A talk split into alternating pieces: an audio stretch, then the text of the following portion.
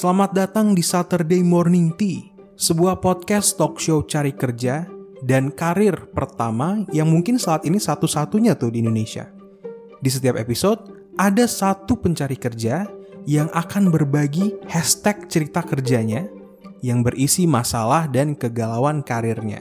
Kemudian, di akhir episode, kita akan tahu solusi yang paling tepat. Cerita kerja ini dibahas dalam format konsultasi bersama seorang konsultan rekrutmen profesional, yaitu orang yang jasanya dipakai oleh HRD dan CEO berbagai perusahaan untuk menemukan karyawan baru mereka yang makanannya sehari-hari adalah membantu para pencari kerja untuk membuat CV atau resume supaya peluang panggilan interviewnya bisa lebih besar, melatih mereka menjawab interview, membantu negosiasi gaji ke HRD, dan menemukan karir pan yang tepat. Selamat menikmati.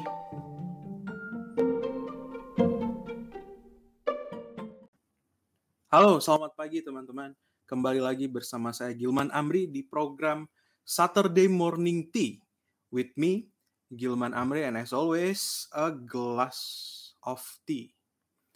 Nah, hari ini kita bakal um, mendengar sebuah cerita, cerita kerja dari salah satu teman kita ya, fresh graduates yang udah lama banget uh, cari kerja, udah berapa kali apply apply kerja gitu ya, tapi masih belum dapat dapat. Jadi nanti kita bakal dengar ceritanya, kemudian kita akan cari tahu apa sih masalahnya. Setelah itu kita akan uh, mendengar atau kita akan diskusi gitu ya dari perspektif saya sebagai seorang konsultan rekrutmen untuk menyelesaikan masalahnya dia. Jadi teman-teman silahkan uh, follow Instagram dan subscribe YouTube saya karena Saturday Morning Tea ini adalah program talk show cari kerja dan karir satu-satunya yang ada di Indonesia ya. Nah, nanti um, setiap hari Sabtu jam 9 pagi akan ada cerita kerja cerita kerja dari, dari salah, salah satu pencari kerja gitu atau cerita tentang karirnya mereka dan apa masalahnya dan uh, saya akan memberikan perspektif sebagai seorang konsultan rekrutmen untuk menyelesaikan masalah mereka tanpa berbasa-basi lagi, mari kita sambut salah satu teman kita uh, dari dari mana ya dia dari Jogja ya. Nah, ada Mas Aziz. Nanti kita tanya, dia benar nggak dari Jogja? Halo, halo Mas Aziz. Halo, iya, Mas Aziz di mana Mas sekarang? Oh, ini saya di Malang Mas. Oh di Malang ya, salah. Di Malang. Di Malang. Tapi masih dekat-dekat lah ya. Oh ya. Mas Aziz di, di, katanya di ini ya di di kampus ya nih sekarang ya. Iya di kampus. Thank you Mas Aziz sudah meluangkan waktunya, udah mau berbagi cerita kerjanya ke teman-teman yang lain. Nah, gimana nih Mas Aziz? Apa cerita? Gimana cerita kerjanya Mas Aziz? Silahkan diceritakan. Oh ya, ini coba saya ceritakan ya. Mulai pertama ini saya kan fresh graduate Mas ya. Hmm. Uh, kemarin saya selesai sidang itu di bulan Juni, bulan Juni. Nah, ketika bulan Juni itu saya setelah sidang, kok tepat itu tepat banget itu saya habis itu kena COVID. Ah, jadi ini Juni 2021 ya? 2021. Okay. Nah, jadi kemarin itu yang seharusnya saya harus bisa nyelesain semua uh, urusan buat daftar wisuda itu akhirnya terkendala. Nah akhirnya setelah selesai, jadinya ini ya udah selesai kemarin udah selesai yudisium, jadi belum wisuda mas. Nah saya kan kemarin jadi uh, uh, jadi masih bingung gitu untuk ngisi waktu luang untuk menunggu wisuda ini buat apa. Nah saya juga iseng-iseng kemarin ada direkomend sama temen itu untuk ikut pelatihan kerja di balai latihan kerja. Nah itu tepatnya di Malang juga itu dari pemerintah juga. Nah, di sana itu saya ada satu bulan lebih, hampir dua bulan ikut pelatihan di sana. Pelatihan di sana itu saya mengambil jurusan uh, ini uh, of Office Advance, jadi practical Office Advance. Jadi di sana itu kita diajarkan untuk Microsoft Office seperti Excel, Word, PPT, spreadsheet gitu. Nah, nah kan di sana juga setelah selesai pelatihan itu juga kita mendapatkan sertifikat pelatihan. Nah itu di saat-saat itu juga saya juga uh, pengen buat daftar kerja. Nah, nah, berhubungan saya kemarin juga dari lulusan sarjana hukum gitu, tapi belum belum punya ijazah. Nah, akhirnya saya mencoba untuk uh, mendaftar kerja itu di bidang administrasi, tak sesuai yang saya ikutin di pelatihan itu mas. Mumpung punya bekal ilmunya gitu. Hmm. Nah, udahlah saya coba.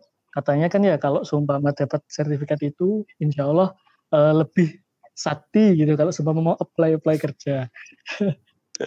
nah, saya udah coba daftar di beberapa perusahaan. Nah, ternyata uh, selama ini udah mungkin ada ya 20 lebih perusahaan. Itu ini mas belum dapat sama sekali panggilan. Panggilan entah itu sekedar buat interview itu belum belum dapat sama sekali. Jadi ya oh kok jadi saya bingung ini kira-kira salahnya apa gitu? Apa mungkin uh, sebagai fresh graduate yang mungkin belum punya ijazah juga apa itu mungkin juga bisa jadi kendala yang hmm. mengakibatkan saya juga belum belum dipanggil sampai saat ini juga gitu mas. I see. Hmm. Oke oke. Okay, okay. Jadi hmm? ini uh, fresh graduate maksudnya belum punya pengalaman kerja sama sekali mas. Belum. I see I see. No problem no problem. Ini ini masalah yang menarik dan sebenarnya banyak orang juga mengalami masalah yang mirip ya dengan Mas Aziz ya. Hmm. Jadi uh, selama ini apply pekerjaannya itu di posisi apa aja Mas 20 20 posisi tadi itu?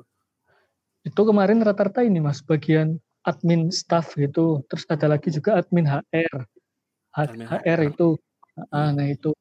Terus uh, kemarin juga nyoba-nyoba MT katanya teman-teman itu rekomend untuk fresh graduate nyoba MT lah gitu. Oke, okay, okay. saya coba lah. Soalnya juga kemarin uh, ada mau ngambil yang kerjaan berhubungan sama hukum seperti legal officer itu pun masih ya itu masih belum punya ijazahnya. Jadi mungkin belum ada uh, dorongan kuat juga power kuat gitu mas. I see, gitu. I see. Okay. Tapi sebenarnya Mas Aziz ini, thank you udah sharing cerita kerjanya ya. Iya. Sebenarnya Mas Aziz ini sudah sudah lulus, sudah selesai, cuman belum belum wisuda aja kan? Iya, belum nah, wisuda. Iya. Tapi SKL SKL-nya gitu, surat keterangan lulusnya udah ada ya? Belum juga. Udah ada mas. Gak ada kan? Udah nah, ada. Sebenarnya gini, kalau misalnya sudah ada surat keterangan lulus, nggak apa-apa juga, jangan berkecil hati, karena itu bisa digunakan untuk apply gitu. Yang penting adalah hmm. nilai-nilai dari Mas Aziz itu um, cocok. Pertama cukup oke okay nggak ya? Nggak mesti harus terbagus juga. Cukup oke okay nggak? Hmm. Kemudian yang kedua relevansi dari uh, ilmu atau uh, pelat ya kalau kita bilang edukasi ilmu lah, ilmu dengan pekerjaan atau posisi yang Mas Aziz apply itu sesuai apa enggak? Jangan-jangan nih Mas hmm. Aziz ya, firasat saya nih, firasat saya aja. Mas Aziz kan lulusan hukum kan? Ada ya. konsentrasinya nggak? Ada apa yang lebih detailnya? Hukum apa? Hukumnya kalau gelarnya sendiri itu sarjana hukum Mas SH gitu, tapi berhubungan saya itu dari kampus Islam UIN gitu Mas. Nah, jadi konsentrasinya saya hukum keluarga Islam, jadi ke perdata Islam. Nah, jangan-jangan ya Mas Aziz kalau apply admin terus lulusan hukum, jangan-jangan si rekruternya JPR sendiri mas. Maksudnya mereka oh. lihat oh ini overqualified nih mas Aziz nih. Kok lulusan hukum gitu kan yang capek pasti kan yang berat lah untuk untuk ngerjain apa uh, eh, SKS di hukum itu tapi kok apply-nya admin. Jangan-jangan nanti Mas Aziz ini firasat saya aja sih bisa jadi benar bisa jadi salah. Kalau Mas Aziz apply di admin jangan-jangan mereka pikir ini overqualified. Nanti kalau misalnya Mas Aziz pun masuk di perusahaan yang di apply tadi Mas Aziz tuh nggak nggak menemukan apa ya passion bekerjanya gitu karena oh. jangan-jangan bukan di situ dan bisa jadi kompetisi di luar sana memang ada yang fokus di admin atau lebih cocok di admin gitu gitu jadi makanya 20 hmm. posisi ini yang Mas Mas Aziz kerja Mas Aziz apply iya. itu bisa jadi kalau kebanyakan admin gara-gara itu nah Mas Aziz pernah apply nggak yang di luar admin kalau di luar admin sendiri kemarin uh, ada sih mas ini mas uh, staff HR, HRD, ya staff HRD. HRD. Pekerjaannya nah, masih ingat nggak posisi uh, uh, job desknya apa aja waktu itu? Secara kalau dari job desknya sendiri di Infolocker itu mas kan saya dapat dari Infolocker di mana uh, WA ya grup-grup WA itu Locker Malang Raya. Nah di situ nggak ada tulisannya sampai spesifik itu mas job desknya apa gitu. Ah, Cuma uh, ada tulisannya dibutuhkan dari sarjana hukum gitu. Oh, dibutuhkan sarjana hukum ya. Biasanya itu kalau misalnya dibutuhkan sarjana hukum itu atau psikologi lebih, atau psikologi ya. Itu yeah. biasanya lebih ke industrial relation. Jadi gimana caranya bisa handle orang-orang pekerja gitu kan. Kemudian um, pekerja itu kan ada ada hukum-hukum kemenakernya ya hmm. Kementerian Tenaga Kerja nanti harus disesuaikan paling itu sih. Iya. Nah, tapi balik lagi nih ke pertanyaan yang paling yang paling penting. Mas Aziz memang karirnya mau ke mana? Udah kepikir belum? kalau ya kalau karirnya sendiri gimana Mas ya? Karena aslinya sih ya saya di sarjana di hukum ini ya seneng gitu seneng cuma nggak nggak tahu kenapa semenjak saya ikut pelatihan kemarin itu kok hmm. saya jadi tertarik gitu waktu di pelatihannya uh, maksudnya ke jenjang karirnya semacam kayak admin gitu mas. Jadi main-main ke Excel gitu nah Word gitu. Suka emang dari aslinya dasarnya dulu emang suka-suka main gitu mas. Ah bentar. Ini harus saya klarifikasi dulu nih. Sukanya oh, iya. admin atau sukanya yang berhubungan dengan data dan formula dan hitung-hitungan? Oh, oh ini. Main data-data dan formulanya. Ah, beda. Admin dengan data-data dan formula itu beda. Karena gini Mas Aziz, ini kita uh, saya kasih insight dikit ya. Tahun oh, iya. 2025, 2030, kalau bisa kita justru menghindari pekerjaan yang fokusnya ke admin Mas Aziz. Kenapa? Oh. Hmm, kenapa? Nah, admin ini harus diklarifikasi dulu. Admin itu maksudnya apa? Input data, kemudian reporting, membuat membuat report dari data-data yang ada gitu kan. Atau sebagian masih menghitung data yang basic lah, bukan data-data yang advance. Data itu kan ada untuk dianalisa ya. Kemudian yeah. analisa data tersebut dijadikan insight kemudian insight itu dijadikan strategi untuk perusahaan atau hmm. apa pun itu ya nggak nah yeah. kalau misalnya kita admin admin itu tuh hanya menghitung menginput membuat report dan um, memberikan insight tanpa ada analisa itu pekerjaan seperti itu berdasarkan berbagai macam studi terutama World Economic Forum akan tergerus Mas Aziz karena kenapa oh, gitu. ya teknologi digitalisasi automatisasi itu akan membuat semuanya lebih mudah dan itu memang kerjaannya si robot tadi si teknologi hmm. tadi itu memang yeah. what they excel gitu apa yang kekuatan mereka di sana sedangkan kekuatan kita sebagai manusia Mas Aziz adalah pertama analisa dari data yang ada gimana cara kita analisa kemudian dari data yang ada gimana cara kita bisa membuat strategi setelah kita buat strategi gimana caranya kita bisa membuat ide dari strategi tersebut kita mem mempresentasikan ke orang lain. Jadi kan udah udah buat strategi, buat ide, kemudian kita harus presentasikan ke orang lain. Kemudian gimana cara kita bisa buat tim? Gimana cara kita bisa meliding tim supaya mereka ikutin apa yang kita uh, targetkan? Dari strategi itu hmm. harus buat program. Gimana cara buat programnya secara sistematis supaya target-targetnya itu terukur dan tercapai. Nah, itu yang kita manusia ya. itu yang kita uh, best gitu. Kita kita mempunyai hal yang seperti itu dan itu harus kita latih dari sekarang. Jadi uh, mungkin persepsi uh, Mas Mas Aziz sebelum ini admin itu yang uh, menghitung data ya, tapi yeah. sebenarnya admin itu bukan itu. Admin itu dalam general harfiahnya adalah input data, kemudian bisa juga hitung gitu kan yang basic dan kasih report gitu. Tapi baik lagi, kalau misalnya Mas Aziz itu jangan-jangan sukanya itu menghitung data, menganalisa dan buat strategi jangan-jangan. Nah, Mas Aziz menurut Mas Aziz suka yang mana? Suka yang itu sih, Mas, yang menghitung data, kemudian nggak bikin strategi. Menganalisa, kemudian buat strategi ya? Iya. Nah, berarti jangan jangan apa untuk admin, Mas Aziz. Oh. iya. Jadi jadi kalau misalnya kita mau apply kerja, kita harus pilih pekerjaan yang cocok dan yang kira-kira kita punya potensi untuk berkembang di sana.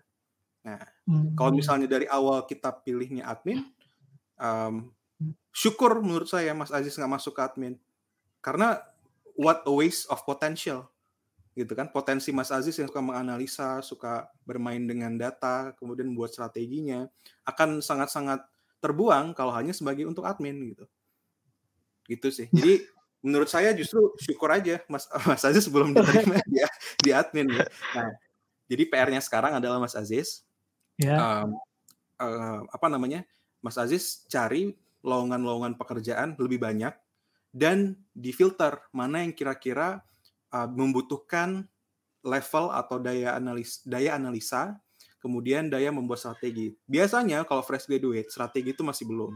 Tapi setidaknya analisa tuh banyak sekali. Misalnya kayak hmm. tadi staff HR kan. Nah, staff HR itu biasanya di nama nama industrinya itu uh, bukan nama posisinya itu adalah industrial relation. Nah, di industrial relation ini um, kan banyak hal yang harus dikerjakan. Kalau sebagai fresh hmm. graduate pasti adalah admin admin administrasinya sedikit gitu. Atau mungkin sebagian dari pekerjaan ada adminnya. Tapi nggak apa-apa karena masih fresh graduate. Ketika bekerja nanti di sana, pastikan misal ada konflik, ada ada pekerja yang uh, butuh uh, legal advice atau legal counseling gitu yang butuhkan ranah hukum. Nah, di situlah Mas Aziz masuk gitu kan dengan oh, iya. analis menganalisa gimana sih kasusnya mereka kan kasus itu harus dianalisa ya kan kemudian iya, iya. dicocokkan iya. dengan pasal-pasal yang ada misalnya saya kurang tahu juga tuh hukumnya iya. berarti kan Mas Aziz sudah menganalisa satu hal kan datanya itu adalah data si uh, pekerja yang mungkin mogok tadi gitu. mogok bekerja hmm. atau pekerja yang uh, klaim kalau misalnya pesangonnya itu nggak sesuai dengan peraturan yang ada misalnya kayak gitu itu kan data dari Mas iya. Aziz data yang Mas Aziz bisa ambil kemudian Mas Aziz analisa terus Mas Aziz uh, cari tahu mana pasal yang masuk dan gimana resolve-nya, cara meresolve-nya.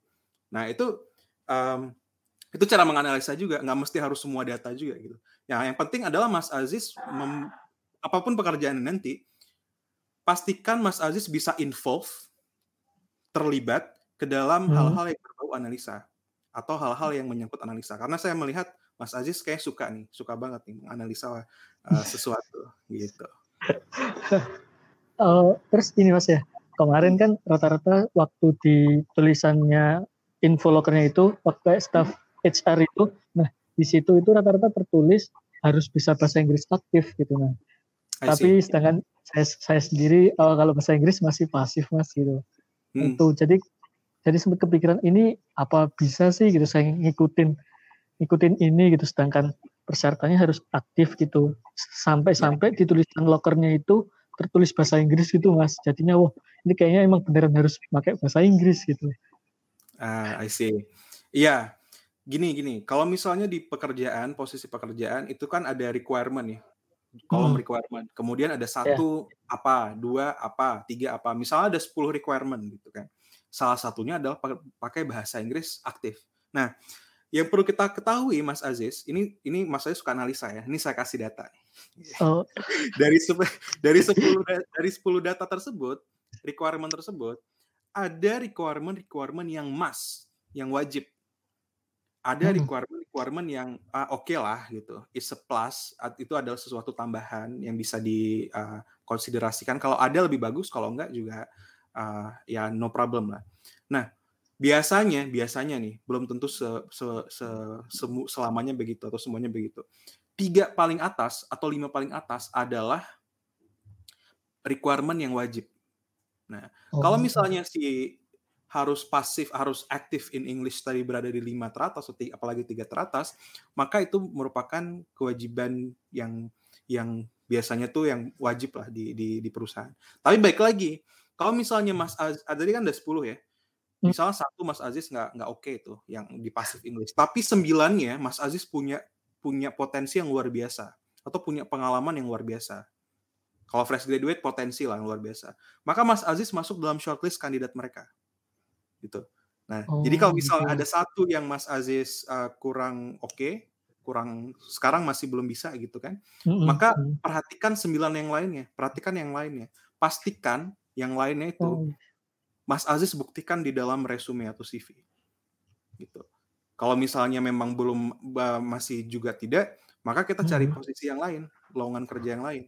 Atau ya kalau misal mau menyelesaikan masalah pelan-pelan, maka latihlah bahasa Inggrisnya atau latihlah ilmu-ilmu lainnya. Gitu. Karena yeah. uh, nanti bakal berguna banget kok bahasa Inggris ini. Apalagi kita hidup di zaman yang sekarang kayak gini kan. Gitu sih. Iya.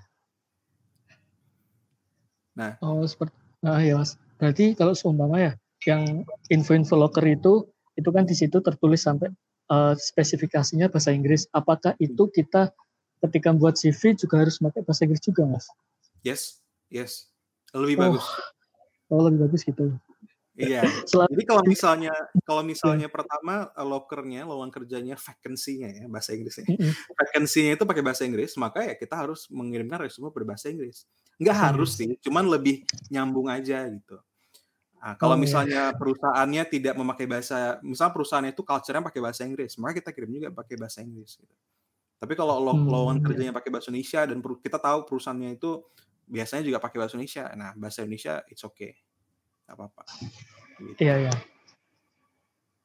Mas Aziz anyway kenapa nggak apply di hukum bagian hukum gitu kayak pekerjaan hukum emang kurang suka setelah setelah kuliah lama terus terus, terus ternyata discover nggak suka dengan hukum ya? Kalau hukum sendiri saya suka sih mas, lumayan suka. Nah kalau hukum contoh kalau saya kan uh, fokusnya itu ke hukum Islam mas ya, ya. harusnya perdata Islam. Nah kalau ke situ rata-rata itu arahnya ke pegawai negeri itu mas. Sedangkan saya kemarin masih belum sempat ikut CPNS karena ya itu ijazah belum keluar. Hmm. Jadi rata-rata kalau lihat di perusahaan itu pasti kalau hukum rata-rata legal officer mas. Legal officer, ya. officer. ya. Nah, ya legal officer ada, ada di, di sana. Uh, legal officer kemarin belum mas. Ya itu belum. saya masih belum percaya diri sama bahasa Inggris saya. Pasti ada oh. tulisan harus bahasa Inggris aktif gitu. Nah, kalau misalnya Mas Aziz merasa uh, apa ya kurang pede, um, nggak nggak apa-apa juga sih. Tapi Mas Aziz pu harus punya drive dan desire, punya kemauan untuk belajar bahasa Inggris di sana. Karena saya punya teman juga hmm. dulu. Saya kan pekerja bekerja di konsultan rekrutmen. Dari awal juga sama kayak Mas Aziz bilang tadi harus bisa berbahasa Inggris. Tapi bahasa Inggris saya maupun teman saya ini nggak bagus-bagus amat. Cuman serius. Akan kita waktu itu kan fresh graduate kan. Nah, tapi pas masuk ke sana kelihatan gitu mana yang mau, mana yang punya potensi untuk belajar bahasa Inggris gitu kan. Uh, sehingga potensi itu yang dilihat sih kalau dari fresh graduate. Dan kebetulan mungkin teman saya ini uh, ketika dia apply, yang lain juga sama aja mungkin bahasa Inggrisnya ya. Jadi jadi yang dipilih dia gitu.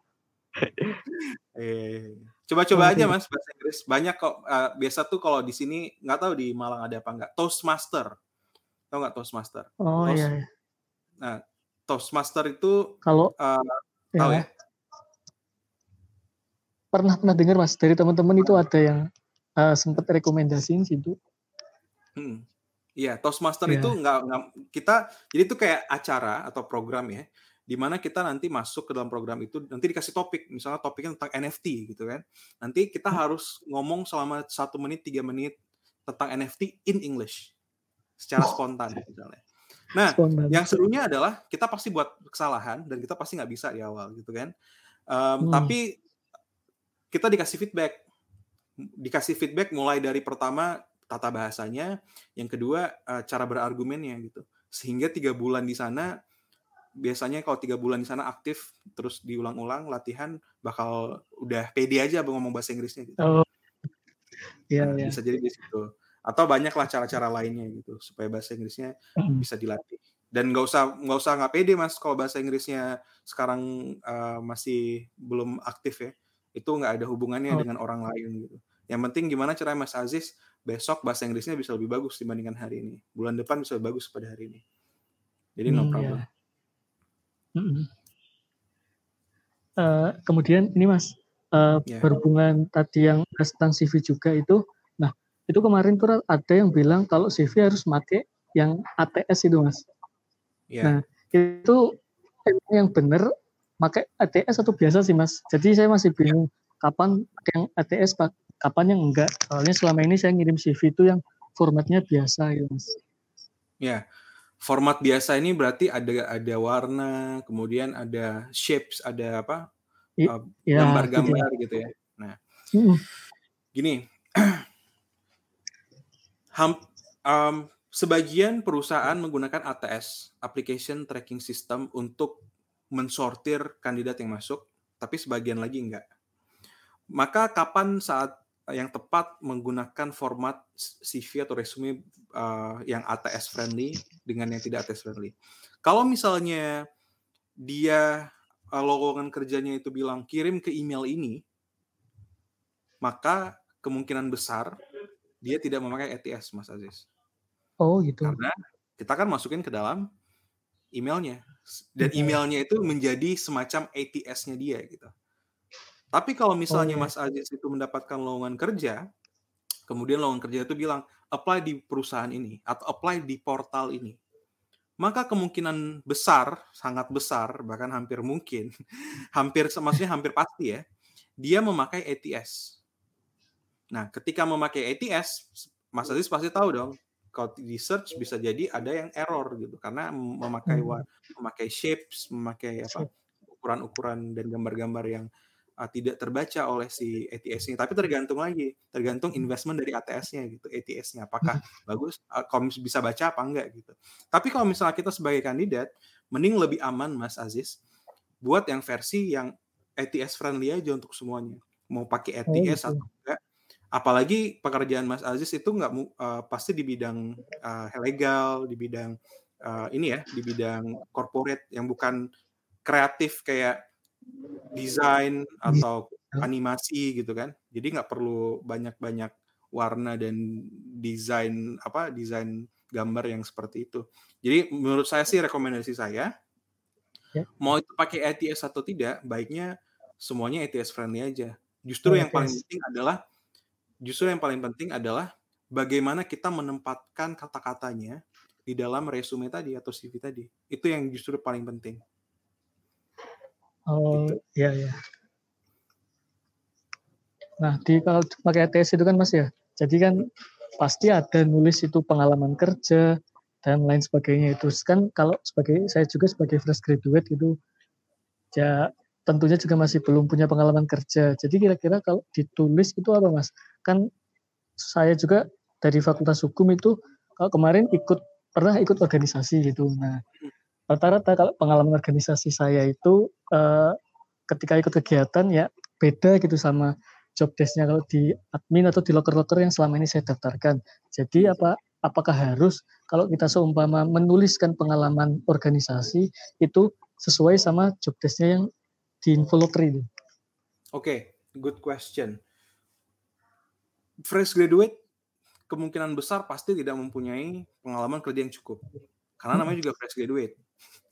Nah, yang dinilai adalah Mas Aziz potensinya. Nah, potensinya ada tiga, Mas Aziz. Pertama adalah ilmunya punya nggak? Jadi kalau misalnya Mas Aziz apply untuk legal, bakal dilihat ini punya ilmu nggak? Dia pernah uh, pernah melatih ilmunya nggak punya ilmunya nggak gitu. Yang kedua adalah kompetensi. Kompetensi itu adalah sertifikat gitu. Sertifikat tentang ilmu tadi atau kemampuan tadi. Nah, yang ketiga adalah skillnya atau kemampuannya, keahliannya. Nah, keahlian ini nggak mesti yang teknikal, yang soft skill juga bisa. Yang paling penting dari tiga ini yang mana? Kalau menurut saya pribadi sebagai rekrutmen ada rekruter adalah pertama skill, yang kedua adalah kompetensi, yang ketiga ilmu. Jadi lebih penting skill dibandingkan uh, yang lain-lain karena yang bakal deliver gitu kan, yang bakal buat pekerjaan itu selesai adalah skillnya. Ilmunya bisa dipelajari, tapi alangkah lebih baik punya semuanya gitu ya. Hmm. Nah, sebagai fresh graduate, kalau misalnya mau apply lowongan kerja yang uh, ya apa pun lowongan kerjanya, pastikan pertama adalah lihat dulu requirement dari si lowongan kerja tersebut. Misalnya skillnya adalah uh, analisa. Yang kedua adalah public speaking.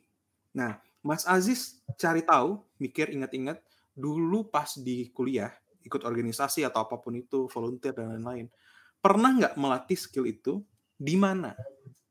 Misalnya tadi di organisasi salah satu organisasi, mungkin pekerjaannya hmm. adalah uh, administrasi, tapi waktu itu pernah nggak sih presentasiin report itu ke orang lain, ke berapa banyak orang, skalanya berapa besar? Intinya kalau misalnya oh, waktu itu Mas. Aziz pernah melatih skill public speaking-nya tadi, maka tulis dan pastikan yang ditulis adalah itunya. Saya pernah membuat analisa data dari uh, event ini, kemudian mempresentasikan kepada 30 panitia agar acara skala nasional ini bisa berjalan dengan lancar. Nah, cara nulisnya kayak gitu. Hmm, berarti main kata gitu mas ya? main kata sebenarnya main angka sih main main kata juga iya tapi main angka supaya apa Mas Aziz supaya um, rekruter tuh mengerti konteksnya seperti apa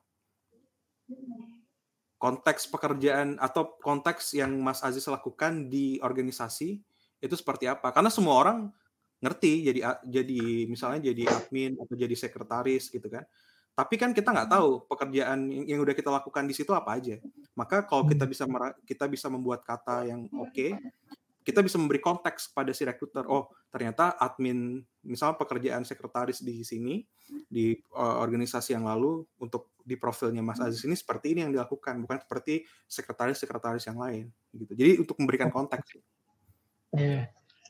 Contoh kalau seperti ini gimana Mas? Kan ada ya, saya kemarin waktu di HMC itu uh, hmm. pernah menjadi panitia gitu, jadi menjadi koordinator diskusi dan debat. Jadi di sana itu saya mengarahkan para mahasiswa jurusan dalam kompeti, kompetensi kompetisi lomba debat beserta ya. jadi sama mengurus ad, administrasi lomba debat di sana juga. Oke, lomba debatnya ini skalanya apa? Kuli kampus, nasional, provinsi? Kampus dulu, kampus uh, ini nasional. Nasional, kampus nasional. Berarti skalanya nasional, berbagai hmm. kampus. Hmm. Ada berapa banyak kampus ingat nggak? Oh cuma ini Mas tapi kalau kampusnya itu uh, yang perguruan tinggi Islam saja seperti oh, UIN, IAI, Einstein ya. Oke. Sekali nasional tapi kan. Jadi kayak di Aceh hmm. ada sekolah perguruan Islam bisa ikut juga. Hmm. Nah, oke, okay, skala nasional kita bilang. Kemudian um, bilang aja perguruan tinggi seluruh perguruan tinggi Islam ada berapa banyak uh, peserta atau tim debat tadi? Iya. Ada lebih uh, masih ingat nggak ada lebih dari 20 tim atau 20 ada lebih dari 30 ada, orang? Mas dulu kira-kira kalau nggak salah itu hampir di bawah 50 lah, hampir mendekati itu. Tapi di di atas 30 di atas 40 di atas 40 ada? Iya, ada. Bilang aja di atas 40 or 40 tim gitu kan mengkoordinasi apa yang dikoordinasi sih sebenarnya? Oh gitu. Ya jadi koordinasinya itu seperti ini Mas. Kalau semua nanti debatnya ada topiknya mengenai ini gitu contoh lah tentang ada kemarin itu salah satunya yang tentang poligami gitu kan mereka tentang poligami gitu jadi uh, kita ini kak ngasih batasan lah nanti kira-kira batasannya harus sampai sini nggak boleh sampai keluar topik tentang ini gitu mas oh, dia okay. mengarah-arahkan teman-teman gitu. oke okay. berarti ya mengkoordinas brief apa ya guideline gitu ya atau peraturan ya peraturan mm -hmm. peraturan dan topik dari debat untuk lebih dari 40 peserta dari berapa banyak kampus di skala nasional. Kampus perguruan tinggi Islam di skala nasional. Nah, itu yang dikasih konteksnya. Berarti sekarang, oh Mas Aziz ini dia nggak takut ngomong sama orang lain gitu. Mas Aziz, ada loh orang yang kayak gitu. dia masih takut. Minder sih Mas, aslinya dulu minder loh. Minder kan? Tapi nggak apa-apa. Iya. Karena udah dilatih dulu, maka sekarang Mas Aziz misalnya harus ngomong dengan para karyawan. ya Mas Aziz ini anak baru terus harus ngomong banyak karyawan. Karena Mas Aziz pernah melatih skill tadi, yang tadinya itu kan itu kan strangers ya, kita nggak tahu tuh siapa ya, gitu kan? Hmm. Si si apa namanya peserta-peserta dari seluruh perguruan tinggi Islam di Indonesia itu kita nggak tahu siapa. Tapi gimana cara kita bisa uh, menyampaikan apa yang ada di sini supaya uh, mereka juga bisa ikut dengan peraturan dan acaranya lancar, ya kan? Nah, begitu oh, juga ya. skill itu yang bakal dilihat sebagai potensi kenapa Mas Aziz bisa misalnya kalau di posisi legal officer ya, kenapa Mas Aziz bisa cocok untuk ngomong sama si pekerja-pekerja tadi atau bahkan ngomong sama teman kerja, rekan kerja gitu. Gitu. Karena keberanian kemudian cara kita uh, menyampaikan kata-kata itu harus dilatih memang. Gitu. Jadi yang dikasih hmm. lihat konteksnya itu Mas Aziz. Gitu. Ya, ya. Dan rekruter tahu, kalau misalnya masih tulis kayak gitu, rekruter bakal tahu, oh ini Mas Aziz belum pernah ketemu dengan peserta ini. Kemudian Mas Aziz harus building rapport, maksudnya building uh, relationship supaya mereka ngerti dan supaya acara yang Mas Aziz buat selama beberapa bulan ke belakang itu bisa lancar gitu kan. Daripada nanti pesertanya hmm. ternyata nggak sesuai dengan peraturan dan akhirnya chaos sendiri dan garing sendiri gitu kan. Nah, yeah. gitu. Nah, pastikan yeah, Mas iya. Aziz punya angka ya, kasih angka. Ya. Supaya, ya supaya tahu seberapa tinggi level Mas Aziz ini pernah melatih skill tadi. Misalnya lebih dari 45 peserta dari uh, seluruh perguruan tinggi Islam di uh, apa di Indonesia gitu kan skala nasional skala nasional maka dia udah tahu oh ini 45 orang strangers atau setidaknya setengahnya strangers gitu kan orang-orang yang belum dikenal terus bisa di ini bisa selesai, bisa dikoordinasiin, bisa dikomunikasiin gitu terusnya. Hmm, iya, iya. HMJ itu apa sih? Himpunan mahasiswa jurusan mas. Oh himpunan, oke. Okay. Mm -mm, itu. Jadi semacam osis lah, osis jurusan gitu. Paham, paham, paham, paham. Ya. Nanti itu nanti kira-kira saya masukkannya kalau di CV di pengalaman organisasi gitu mas ya? Iya, pengalaman organisasi, betul. Hmm, ya, ya. Oke.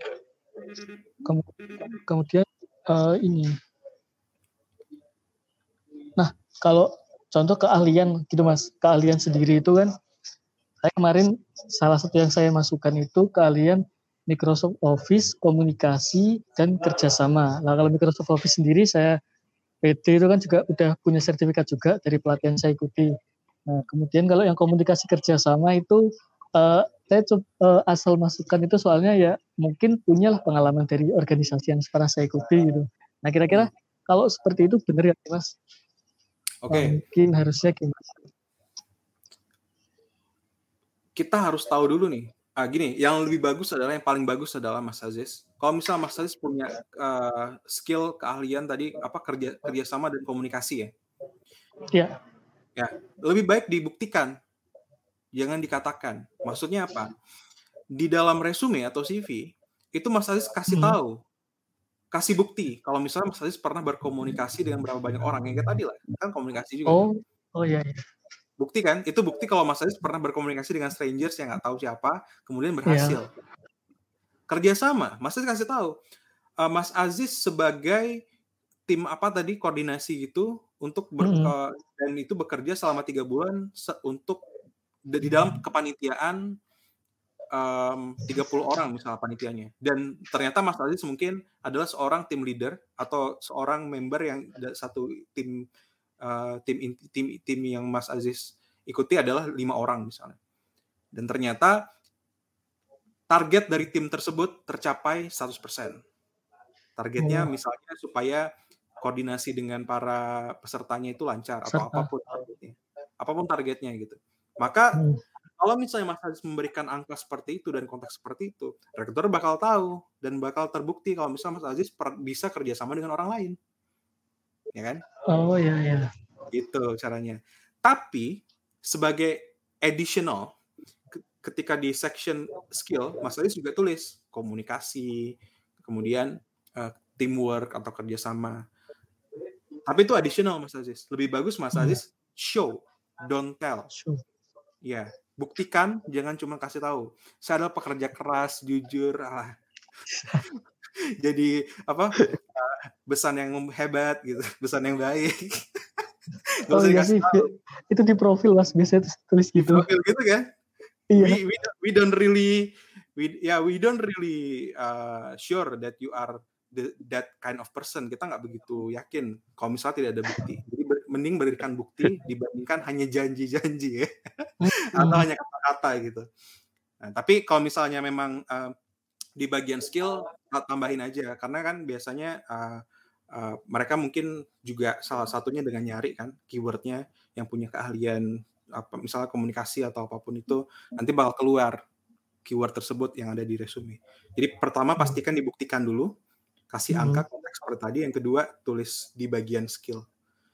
Nah kalau misalnya yang Microsoft Office tadi atau apa pun itu Microsoft Office ya, hmm. ya, itu bagus yeah. kalau misalnya Mas Aziz kasih sertifikasinya yeah. kalau misalnya sertifikatnya gitu. Terus kasih tahu levelnya tuh advance apa gitu. Kasih konteks oh, juga yeah. supaya rekruter ini tahu um, kalau misalnya udah Mas Aziz sudah ikutin pelatihan ini, maka apa yang berbeda daripada orang lain, kandidat yang lain. Yeah. Jadi banyak banget bakal dirombak nih resume CV-nya. Hmm. Berarti ini mas ya. So kalau uh, kemarin kan ada yang bilang suruh bikin resume. Resume sama CV itu beda gak sih mas? Apa sama? Siapa yang bilang? Kemarin siapa yang suruh? Ada teman-teman tuh pernah ngobrol tentang itu ya. Nah saya kan memang belum pernah kerja sama sekali gitu. Jadi kak ah, apa sih masa resume sama CV sama? Apa mungkin terus sama portofolio? Jadi kan hampir bingung gitu loh. Bedanya bingung. CV, portofolio, resume gitu mas. Oke, ini ini sebenarnya sudah saya jelaskan di di sosial media di Instagram, Twitter, tapi saya jelaskan sekali lagi, Mas Aziz. Resume dan CV itu secara definisi itu sangat berbeda. Resume, oh. CV dulu lah ya, yang paling general. CV itu adalah kepanjangannya curriculum vitae. Itu dari bahasa Latin, Mas Aziz. Yang artinya adalah uh, ringka, uh, sorry, riwayat hidup. Hmm. Riwayat hidup. Nah, riwayat hidup adalah segala macam ses, uh, aktivitas yang Mas Aziz lakukan dari kecil sampai sekarang, gitu kan. Oh, ya. Waktu TK pernah juara juara menggambar secara nasional. Waktu SD pernah ikut cerdas cermat. Waktu SMP pernah ikut uh, basket terus menang skala skala skala provinsi misalnya dan lain-lain. Pas kuliah segala macam pokoknya semuanya pas kuliah pernah ikut ini ini ini ini segala macam itu semua dikasih tahu dan itu adalah uh, riwayat hidup. Nah, secara definisi resume itu dari bahasa Prancis, artinya ringkasan. Nah, kalau ringkasan berarti segala macamnya itu harus diringkas sesuai dengan tujuannya. Misalnya Mas Aziz mau apply di uh, pekerjaan. Hmm. Maka yang di, diminta sama rekruter adalah pasti ringkasannya, bukan riwayat hidup. Kita nggak butuh riwayat hidup Mas Aziz. Kita kita tiga detik aja udah bisa lihat ini cocok apa enggak gitu. Bisa kita baca lebih lanjut apa enggak. Karena kita nggak punya waktu untuk melihat kita nggak punya waktu untuk kepoin Mas Aziz gitu. Kalau misalnya Mas Aziz belum bukan orang yang cocok di sana hmm. gitu kan karena kita punya target supaya uh, closing posisi ini placement mendapatkan posisi ini dengan cepat dan tepat gitu kan hmm. jadi uh, tapi gini Mas Aziz banyak banyak yang di Indonesia maupun di berbagai negara lainnya banyak yang berpikir resume dan CV itu sama jadi please send your CV padahal yang dimaksud itu adalah resume nah pertanyaannya nih Mas Mas Aziz lagi bingung nih kan kelihatan dari mukanya hmm. bingung nih Pertanyaannya adalah gimana caranya kita bisa membedakan kalau misalnya si rekruter atau siapa pun itu yang dimaksud itu resume apa CV? Caranya satu nih Mas Aziz. Kita pakai daya nalar kita sendiri. Kita kita tanya, kita analisa ya. Lihat, hmm. Kita kita kita uh, evaluasi gitu. Kita pikir, apakah orang yang kita kasih surat atau uh, dokumen tadi ya, dokumen yang bakal kita kasih, mereka punya waktu nggak untuk baca semua hal yang hmm. kita punya. Kalau misalnya tidak, maka kirimkan resume, kirimkan ringkasan. Kirimkan yang benar-benar dan dalam ringkasan itu tulis yang benar-benar nyambung dengan requirement-nya atau cocok dengan job description-nya. Gitu. Kalau misalnya Mas Aziz menjadi speaker di TED gitu kan. TEDx tahu ya, speaker di speaker di acara-acara konferensi besar gitu. Maka lebih bagus kirimkan CV supaya mereka bisa mengkurasi uh, biografi dari Mas Aziz gitu. Kemudian dijadikan konten, dijadikan apalah gitu. Misalnya bisa seperti itu gitu kan. Jadi kita pikir sendiri apakah orang tersebut punya waktu banyak untuk melihat uh, profilnya kita. Hmm. Paham ya? Jadi kalau misalnya rekruter bilang kirim your CV, sebenarnya tuh mereka bilang itu dari resume ringkasannya. Tapi nggak apa-apa, karena di berbagai berbagai negara juga mereka melihat CV resume itu sama aja lah. Tapi yang penting oh, kita iya. punya pengetahuan aja. Portofolio itu hmm. apa? Tadi Mas Aziz bilang portofolio kan. Portofolio itu adalah hasil kerja atau bukti kerja, bukti project yang Mas Aziz pernah lakukan. Biasanya akan sangat hmm. handy atau sangat praktikal untuk orang-orang yang bersifat kreatif, sales, dan lain-lain yang punya project-projectnya. Tapi kalau misalnya Mas Aziz mau ambil next step, extra next step, bisa juga. Misalnya tadi ada di HMJ tadi ya. Nah di HMJ tadi kan ada itu kan uh, pekerjaan yang mas atau pengalaman yang Mas Aziz pernah lakukan. Kemudian buat satu dokumen atau satu link gitu kan, isinya itu adalah dokumentasi tadi. Kemudian um, gimana waktu itu Mas Aziz cara buat gimana ya, lebih detailnya lah, lebih detailnya. Karena baik lagi, resume adalah ringkasan. Kemudian portofolio itu detail dari proyek tersebut. Nah, hierarkinya okay. gitu. Sekarang gimana? Lebih paham? Oh, paham Mas. Paham ya? Saya jawab. Sangat jawab, siap. Iya. Hmm, uh, terus yang kemudian mana lagi ya? Oh, yang kemarin mengenai LinkedIn juga mas. Hmm. Nah LinkedIn itu, wah itu saya masih nol, masih belum nggak paham juga sih. Jadi kemarin cuma bikin asal asal bikin aja tapi ketika pas waktu bikin di sana itu ngelihat punyanya orang-orang, wah kayak banyak kayak udah banyak pengalamannya gitu mas. Tanya saya ini apa? Masih kayak gak ada apa-apa gitu mas. Emang kalau semua kita waktu mendaftar itu kan ada biasa contoh-contoh CV-nya punya orang-orang dicantumin LinkedIn juga. Itu emang beneran mbak. Sama HRD itu dilihat LinkedIn kita. Oke. Okay. good question. Yang pertama adalah LinkedIn bakal dilihat. Tapi CV atau resume di dalam LinkedIn bisa jadi dilihat bisa jadi enggak kenapa? Karena basically LinkedIn profile adalah resume. Jadi mau bazir aja dua kali dilihat gitu kan. Oh, iya, kecuali ada kecuali ada rekruter yang berpikir oh ini orang kayaknya nggak nggak lengkap nih profil LinkedIn-nya. Hmm. maka gue bakal lihat CV-nya atau re, uh, resume yang kebetulan dia post gitu kan. Itu pertanyaannya adalah apakah rekruter melihat profil LinkedIn ya kemungkinan besar ya tapi bisa jadi enggak karena kenapa? Ada yang benar-benar melihat sampai LinkedIn-nya untuk mem memverifikasi gimana keaktifannya dia gitu kan. Gimana cara dia posting konten, gimana dia berinteraksi dengan orang lain. Tapi ada juga yang enggak. Dan itu tergantung Mas Aziz, sangat tergantung dari metode pencarian kandidatnya. Ada yang mencarinya via kayak Mas Aziz tadi kan locker, WA, bla bla bla. Ada yang via LinkedIn.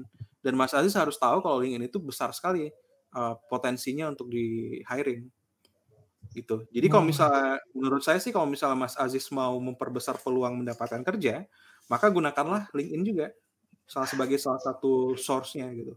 Maka uh, profil LinkedIn-nya itu harus tepat, harus kasih pengalaman-pengalaman yang sudah dikerjakan. Nggak mesti harus banyak pengalaman, tapi yang penting pengalamannya itu keywordnya cocok, kemudian berikan konteks yang kayak tadi kita diskusi, dan hmm. lengkapi aja semuanya gitu. Oh, ya bagian-bagian yang foto, ya. summary, lain-lain. LinkedIn saya masih sepi banget sih mas, kayak kuburan sepi. Gak apa-apa, pelan-pelan dibangun. Iya. Minta juga rekomendasi Mas Aziz, kan pernah pernah jadi hmm. HMJ tadi ya. Minta rekomendasi dari teman, kemudian semacam apa ya, supervisornya Mas Aziz dulu atau uh, ketuanya ya, ketuanya ya, oh, ketuanya Terus minta rekomendasi di LinkedIn Mas Aziz. Gimana tanya gimana cara Mas Aziz bekerja, gimana tanggung jawabnya. Pokoknya yang yang yang yang membuat yang bisa menjelaskan skill-skillnya dari Mas Aziz gitu. Tapi pastikan mereka oh. jujur juga karena nanti bakal dibuktikan ketika interview. Oh iya. Iya. Hmm. Gitu. Terus apa lagi ya?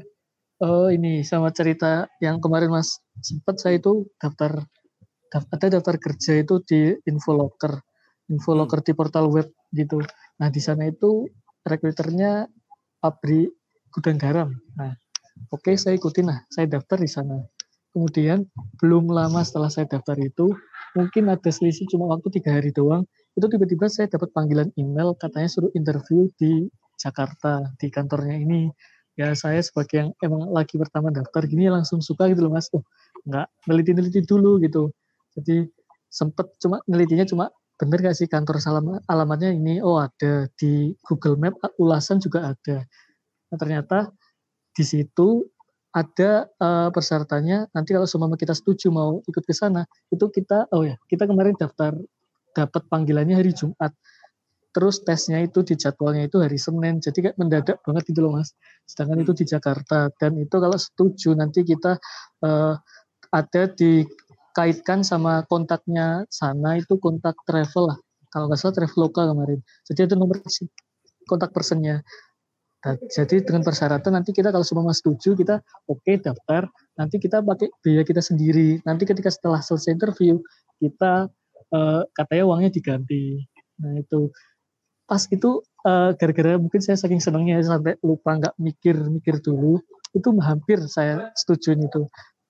Tapi untungnya kemarin saya tanya tanya temen sama temen langsung dibilangin jangan dulu ini kelihatannya kok palsu gitu. Tapi suratnya itu beneran kelihatan asli gitu loh mas. Jadi kayak surat-surat asli gitu. Lah ternyata pas saya akhirnya ya udahlah gara-gara banyak yang setuju dari teman-teman oke okay, saya nggak setuju. Soalnya mikirnya juga saya di Jakarta nggak tahu apa-apa di sana. Ntar ternyata kalau ada apa-apa lah takutnya itu. Yeah. nah, pas saya klik ternyata itu ada beberapa kasus emang ma ma mereka memakai uh, perusahaan besar untuk itu untuk pendaftaran. Nah, ternyata itu palsu mas. Hmm. jadi nggak nyangka kok bisa sih di web-web apa locker gitu yang terkenal kok sampai ada yang sampai penipuan seperti itu itu gimana kok? Nggak ke filter benar benar banget. Yeah. iya jadi kalau misalnya di website locker locker locker terkenal ya belum tentu mereka memfilter locker locker yang asli. Atau bisa jadi mereka udah memfilter ternyata lolos lolos juga. Nah makanya yang pertama yang harus Mas Aziz lakukan adalah pastikan locker tersebut di, dikelola secara profesional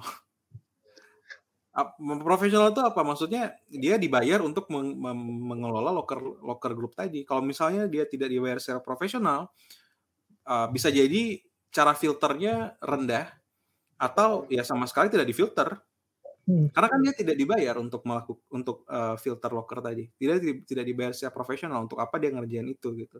Ya pasti dikerjain tapi kan nggak sedetail dan seserius itu kan Hmm. Itulah uh, itu nanti Mas Aziz bakal eksplor lebih lanjut tentang profesionalitas. Kemudian yang kedua, jadi cari cari cari loker-loker yang profesional. Nah, salah satu loker profesional adalah namanya Rekruter Indonesia Bersatu, Mas Aziz. Atau Info Channel Loker RIB, Rekruter Indonesia Bersatu. Itu RIB itu atau Rekruter Indonesia Bersatu itu adalah uh, kumpulan dari rekruter-rekruter yang terverified yang ada di Indonesia. Sekarang ada 400 uh, rekruter. Nah, Mas Aziz bisa lihat ke situ. Karena di situ udah pasti uh, yang posting itu hanya rekruter yang profesional. Jadi tidak sebanyak locker grup locker yang lain, tapi hmm. yang udah pasti di sana udah pasti verified. Karena proses verifikasinya tuh luar biasa besar dan banyak dan membuat rekruter tuh ribet. Tapi itu membuat hmm. para job seeker bisa lebih bagus. Yang kedua adalah Mas Aziz. Mas Aziz harus cari tahu indikasi-indikasi penipuan penipuan itu bakal terjadi di mana pun nggak cuma di kerja. Tapi jangan sampai menjadikan uh, curigaan banget sehingga nanti menghilangkan rezeki. Nah, harus smart in between gitu kan. Jangan terlalu paranoid gitu kan parno. Jangan terlalu percayaan harus in between. Nah indikasinya gimana?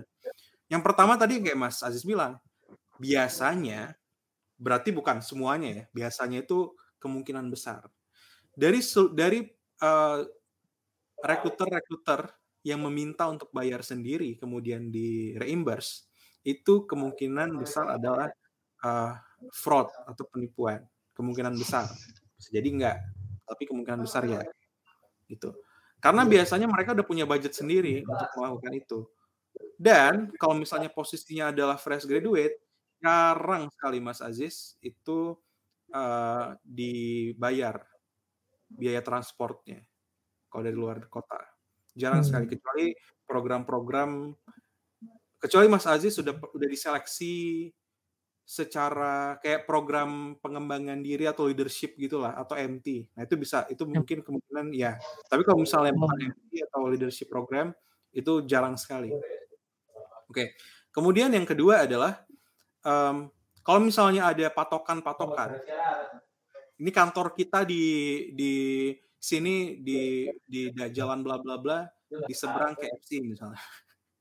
Atau di seberang ruko warna me, warna merah di, yang pagarnya warna hijau atau apa gitu-gitu ya. Itu kemungkinan besar bahkan kalau kayak gitu hampir pasti itu adalah penipuan. Karena apa? Karena kan gini kalau kalau misalnya nanti Mas Aziz datang sana terus tanya ke orang-orang mana perusahaan ini mereka pasti nggak tahu ya kan karena iya. memang yeah. mereka nggak mungkin dong kasih kasih tahu atau kasih pelang ini perusahaan yang mereka catut itu ya kan nanti mereka bakal ketahuan ya kan jadi mereka bakal jadi Mas Aziz kandidat kandidat tadi bakal nanya ke orang-orang sekitar mana sih perusahaan ini gitu. mereka pasti nggak tahu makanya mereka memberikan patokan ya oh, kan? oh, iya, iya. ya gitu jadi hmm. biasanya indikasinya dua itu sih mas kemudian uh, mereka bakal mencatut nama-nama perusahaan besar yang sering dan bonafit gitu kan. Uh, dan bahkan kita udah cek di sosial medianya mereka juga lagi buka itu gitu. Nah yang harus dicek lagi adalah emailnya ke siapa. Kadang-kadang beda dikit aja .com sama .co.id misalnya. Nah kita harus lihat oh, iya. uh, ke, ke yang mana gitu. Jadi pastikan di dalam sosial medianya, di dalam website portalnya, di LinkedIn-nya itu sesuai. Gitu. Jadi hmm, indikasi cara cara kita membuat indikasi seperti itu. Soalnya kemarin itu waktu daftarnya itu pakai ini mas Google Form. Pakai Google Form lagi ya? Ah. Iya. Kalau Google Form bisa jadi 50-50 sih mas. Bisa jadi beneran, bisa jadi hmm. enggak. Ya, yeah. jadi gini ya, perlu diperhatikan bukan berarti dengan adanya Google Form maka ini palsu. Bukan berarti dengan adanya uh, apa tadi indikasi yang tadi yang lain tadi itu ini bakal palsu enggak. Tapi hmm. Itu bakal jadi indikasi. Bisa jadi iya, bisa jadi enggak. Kalau misal lebih banyak indikasinya, yeah. maka kemungkinan besar ya palsu gitu.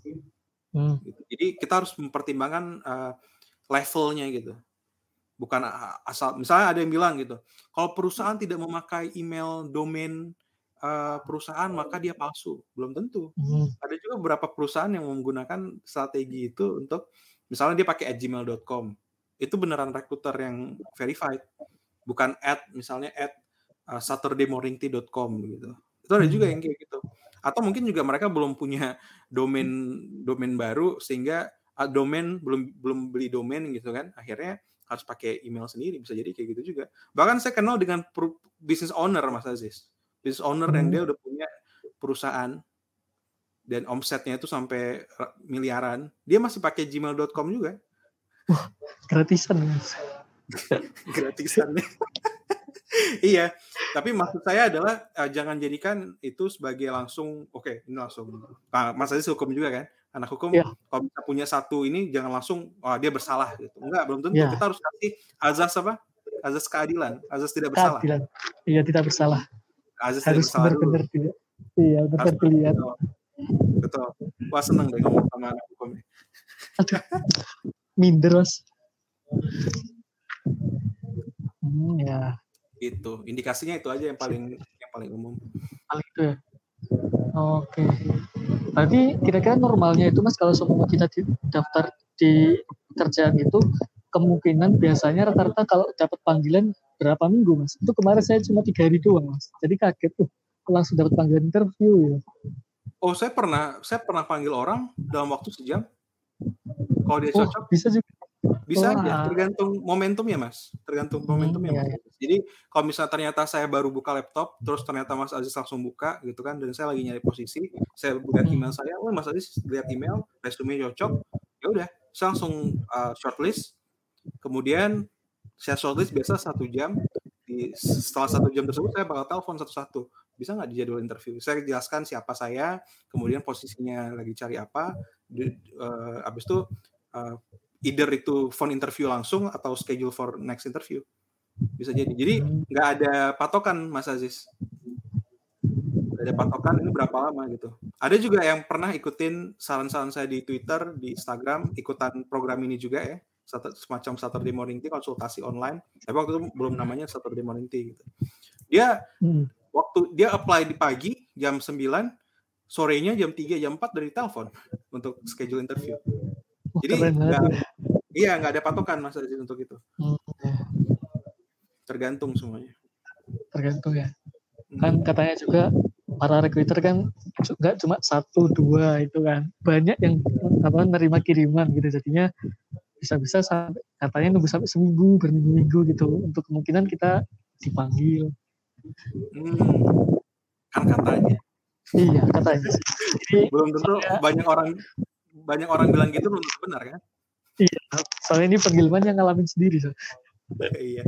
Tapi gini, maksudnya bisa juga kayak gitu, bisa jadi. Cuman nggak semuanya kayak gitu, Mas Aziz. Karena kan iya. uh, yang dia bilang betul di di konteks-konteks tertentu, tapi um, di konteks-konteks yang lain tidak seperti itu. Karena gini, kita perlu pakai first principle ya kita harus berpikir cara pikir rekruter. Rekruter tugasnya, KPI-nya, targetnya adalah gimana caranya posisi yang lagi dicari sama perusahaan itu dipenuhi secepat mungkin. Sehingga cara dan metode untuk mencari orang yang bakal secepat mungkin. Ya kan? Kalau misalnya ya. ternyata udah ada posisi yang cocok, kenapa saya harus menunggu satu minggu gitu? Kalau misalnya hmm. ternyata banyak banyak masuk uh, profil kandidat, maka saya harus cari tahu caranya supaya saya bisa men-shortlist semua kandidat seribu kandidat tadi sehingga dalam satu jam saya bisa men-shortlist 10 kandidat yang paling cocok gitu. Ya kan? hmm. kalau enggak nanti pekerjaan saya bakal tidak tercapai target saya bakal tidak tercapai gitu. Tapi ada juga rekruter-rekruter yang mungkin agak lama melakukan itu. Jadi makanya itu bukan jadi patokan sih dan tidak tidak baik untuk dijadikan sebuah uh, sebuah indikator rekruter gitu.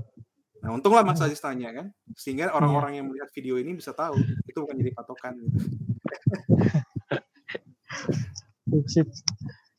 Uh, sama ini Mas, uh, tips juga dong yang buat ketika kalau kita menghadapi interview terus kemudian ya. tes-tes selanjutnya setelah interview terus uh, psikotes mungkin. Oke, okay. psikotes dulu ya. Kalau yeah. psikotes itu tipsnya adalah Mas Aziz semalam sebelumnya itu Mas Aziz tidur 7 sampai 8 jam. Serius. Serius Kemudian nih, serius. Supaya apa? Supaya Mas Aziz seger besoknya. Terus tidurnya itu jangan kemalaman. Jangan di atas jam 12. Yang kedua adalah Mas Aziz sarapan. Yang ketiga, tidak ada lagi yang lain. Kenapa saya bilang kayak gitu? Karena psikotes itu bukan salah dan benar. Psikotes itu adalah cocok atau tidak. Gitu. Jadi kalau misalnya dalam tes psikotes, Mas Aziz harus konsentrasi penuh, segar pikirannya dan sharp, uh, tajam gitu. Sehingga berbagai macam tes uh, psikotes yang ada nanti bisa dijawab dengan uh, dengan baik gitu, dengan konsentrasi penuh dan tidak kalau misalnya tidak istirahat, tidak tidur dan tidak um, sarapan pagi, maka konsentrasinya bakal tidak tidak penuh dan nanti ya nggak bakal ini nggak bakal benar juga bukan benar ya nggak bakal sesuai lah dengan jawaban yang ada di pikiran dengan yang ada di tulisan gitu. Kemudian kalau misalnya Mas Aziz mau lihat tips psikotes yang lain, menurut saya sih saya pribadi menyarankan untuk tidak mengikuti tips-tips yang ada di luar sana. Kecuali tipsnya itu berbau kayak gini Mas Aziz. Mas Aziz harus tahu berbagai macam tip tes jenis psikotes yang ada. Itu oke. Okay. Supaya Mas Aziz bisa familiar dengan tesnya. Misalnya tes papi kostik seperti apa sih? Nah, itu Mas Aziz lihat. Supaya nanti pas nanti di psikotes, oh, saya pernah melihat tes ini. Saya sudah familiar dengan tes ini dan instruksinya juga saya sudah tahu. Nah, konsentrasi supaya bisa mengikuti instruksi tadi. Jadi kita udah familiar duluan. Hmm. Tes warteg seperti apa sih? Tes yang lain seperti apa sih gitu kan? Itu bisa. Tapi kalau misalnya nanti dibilang kalau misalnya nanti kamu ikut tes warteg, tes yang misalnya yang gambar-gambar pohon, kamu harus kamu harus gambar yang seperti ini supaya dia supaya dianggap seperti orang menjadi orang seperti ini gitu. Hmm. Nah, itu menurut saya jangan ikutin. Kenapa? Karena Mas Ali bakal membohongi diri sendiri yang pertama. Yang kedua, assessment itu, psikotes itu tidak sedangkal itu.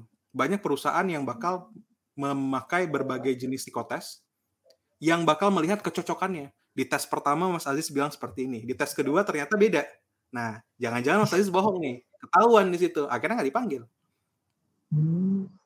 Dan yang ketiga yang paling penting adalah kalau misalnya Mas Aziz membohongi diri sendiri, misalnya udah pakai semua tips gitu kan, dan ternyata berhasil, lolos aja gitu, interview dan masuk pekerjaan, nanti bakal nggak cocok juga secara culture dan pekerjaan di sana. Jadi tidak ada yang lebih banyak hal yang buruk dibandingkan hal yang baik ketika memanipulasi tes psikotes. Hmm, iya, iya. Kalau misalnya nggak cocok ya udah nggak cocok. Masih banyak yang lain kok.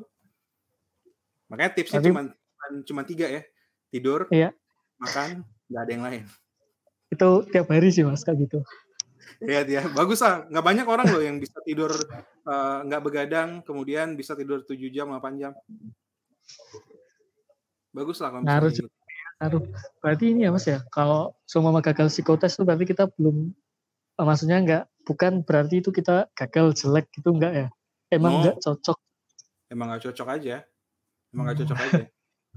Yang paling pasti adalah instruksinya dikerjakan dengan jelas, dilakukan dengan jelas, dilakukan dengan tepat ya. Hmm. Baca instruksinya dengan jelas, lakukan dengan tepat, kemudian konsentrasi sejujur-jujur mungkin.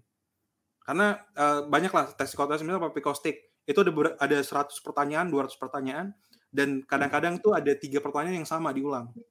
Itu sengaja misalnya supaya melihat konsistensi kita terhadap diri kita sendiri. Hmm. Jadi kayak itu kan butuh butuh konsentrasi penuh kan? Konsentrasi. Iya, itu yang harus dilakukan. Jadi psikotes itu dan kerja itu sebenarnya bukan oh nggak nggak terima nih berarti gue gue jelek nggak nggak kayak gitu kerja itu masalah cocok atau enggak Mas Aziz. Saya pernah melihat, saya pernah dapat orang yang keren banget, bagus banget profilnya. Tapi saya nggak nggak nggak nggak ambil, nggak shortlist, karena nggak cocok. karena user saya perusahaan saya nggak cari orang yang sebagus itu.